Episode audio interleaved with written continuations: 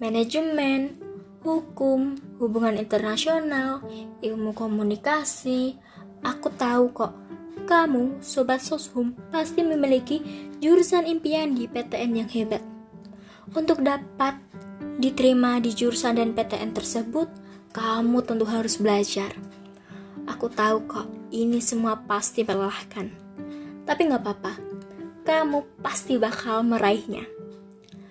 Di podcast tim Soshum ini, aku bakal bacain materi UTBK Soshum dari benderku untuk bantuin kamu persiapan UTBK. Semoga kamu suka ya. Semangat!